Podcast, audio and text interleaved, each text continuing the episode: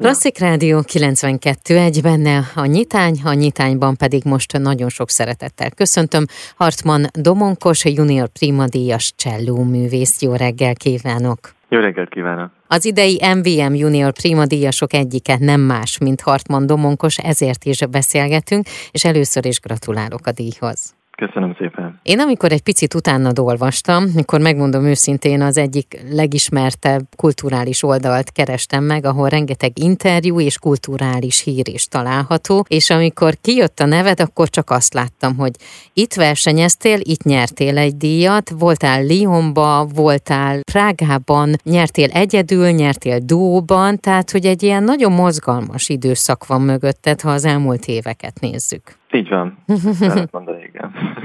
Minek köszönhető ez? Miért? Tulajdonképpen már konzis éveim alatt is a tanárom elkezdett kicsit ebbe az irányba indítani engem. Ő már évek alatt megfigyelte, hogy általában, hogyha valakit versenyre készítenek, akkor egy hatalmas fejlődési hullám indul el, és ez egy versenykor összpontosul. Úgy gondolta konzistanárom Kemény Krisztina, hogy ez máshogy vagy nehezebben, vagy nem érhető el igazán. És ezért a versenyeket úgy tekintette, hogy ezek nekem egy nagyon jó lökés hullámok, amik előre lendítenek, és sokat tudok fejlődni bennük. És aztán tulajdonképpen kicsit hozzászoktam konzis évek alatt, hogy úgy évente egy-kettő versenyre elmegyek. Ezután már kicsit átalakult az, hogy tulajdonképpen mire is hasznos, mire is jó egy verseny. Mostanában már az elmúlt években, ahol voltam, az pedig már inkább a karrier felépítése miatt fontos, mert ezeken a versenyeken már tényleg nagyon-nagyon sok olyan emberrel találkozom, akik később nagyon fontos szerepet játszhatnak abban, hogy egy fesztiválra akár meghívjuk egymást,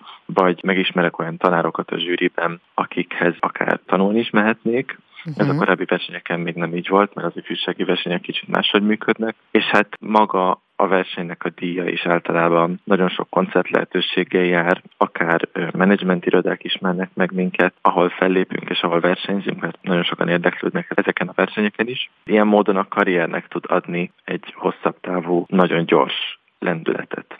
Tehát ezek a versenyek már inkább ezért valósultak meg. Te ilyen tervezős típus vagy? Mondhatjuk, igen. Viszont azt sose lehet pontosan tudni, hogy egy ilyen versenyből mi is fog kijönni. Uh-huh. Tehát én inkább úgy vagyok vele, hogy semmiképp sem árt. Éppen ezért megpróbálom, és aztán megnézem, hogy ez milyen irányba is szeretne engem elvinni, és aztán utána át kell gondolni, hogy nekem az az irány való-e, vagy nem. Egyébként olyan jó hallani ezt, hogy ilyen tudatosan tervezed ezt a dolgot, és alakítod a dolgaidat. Uh-huh. Mit éreztél akkor, amikor megkaptad az e-mailt, hogy junior prima díjas lettél? Hát ott hirtelen nagyon sok érzés kovargott bennem, de emlékszem, hogy akkor éppen vonaton ültem, és Pécs fele mentem, és tényleg nagyon-nagyon boldog lettem, ott felálltam, és ott elkezdtem járkálni a vonaton jobbra-balra, és hát akkor rögtön értesítettem a hozzám legközelebb állókat, akiknek szintén nagyon fontos visszajelzés volt, de ez egyszerűen egy olyan elismerést ad nekünk, ami ad egy belső nyugalmat valahogy, egy visszaigazolást arról, hogy most valahogy jó az irány, amelybe haladunk. Ez nagyon fontos manapság, mert tényleg nagyon nehéz tud lenni egy zenés számára, hogy eligazodjon abban, hogy most mit is csinálok, hogy csinálom. Néha nagyon nehéz az, hogy megtaláljuk a motivációt, hogy mindig felépítsük minden nap magunkat a hangszeren újra és újra, és egy ilyen objektív mérőeszköz az ebben nagyon sokat tud segíteni. Elismeri, hogy igen, ez most egy jó irány, és menj tovább. És nagyon erős húzóereje van egy ilyen díjnak, hogyha már csak az ember elolvassa azt a listát, azt a 150 emberből álló listát, akik ezt a díjat nem megkapták, akkor az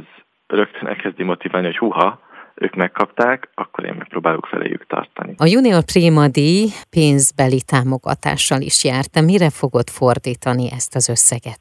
Szerintem ez a Junior Prima díj abban egy nagyon fontos segítség a mi generációnk számára, hogy valahogy a jövő fele fordítsa az embereket, és ez pénzügyileg is ugyanígy van. Szerintem ez egy nagyon jó alap lehet ahhoz, hogy akár egy befektetést elkezdjen az ember, vagy egy megtakarítási számlát, ahhoz, hogy legyen egy alap ahhoz, hogy később akár majd lakást tudjunk venni, vagy akár egy hangszerbe be tudjunk fektetni. Ezért most én nem elkölteni fogom, hanem valamilyen módon félre fogom tenni, viszont ez egy nagyon-nagyon fontos alap. Akkor itt is kijön ez a tudatosság és a tervezés oldalad, hogy a jövőbe tekintünk. Mi lesz most? Mi fog történni veled? mert azért ez az év sűrű volt, és gondolom még most az év vége is az lesz. Igen, ez valóban így van, most még nagyon sűrű az év. Most vasárnap fog játszani a MÁV zenekar a Haydn C versenyt, aztán egy héttel később tulajdonképpen a kedvenc darabomat fogom tudni játszani, az egyik kedvenc darabomat, mondjuk inkább így, Schubert C-dur kvintettjét, egy elképesztően nagyszabású mű és tényleg gyönyörű szép zene. És a következő időszak az arról fog szólni, hogy most Csabai Domonkossal megpróbáljuk kicsit komolyabban felvenni a fonalat, hogy így mondjam, uh-huh. mert most Birminghanből is kapunk egy mentort magunk mellé, ahol megnyertük a kamarazenei versenyt, és ez a mentor pályánkat is fogja segíteni, és valószínű, hogy az angol piacon fog nekünk kicsit segíteni, hogy néhány helyen fel tudjunk lépni, de már Franciaországból is kaptunk meghívást, fogunk játszani a művészetek völgyében,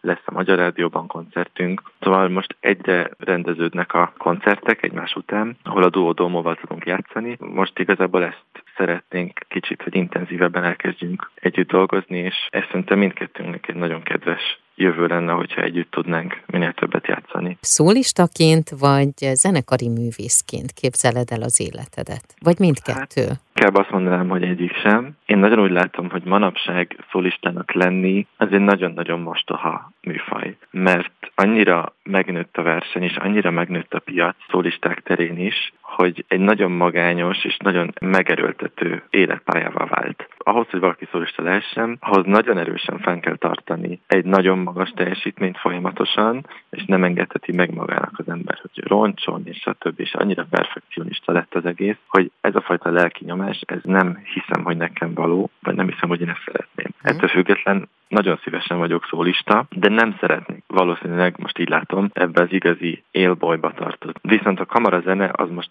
nagyon egy olyan irány, amit én nagyon megszerettem, és valahogy a kettő ötvözetéből szerintem tudnék találni egy olyan irányt, amiben én is nagyon jól tudom érezni magam. Én kívánom, hogy így legyen, és nagyon sok sikert kívánok neked a jövőre Köszönöm is. Köszönöm.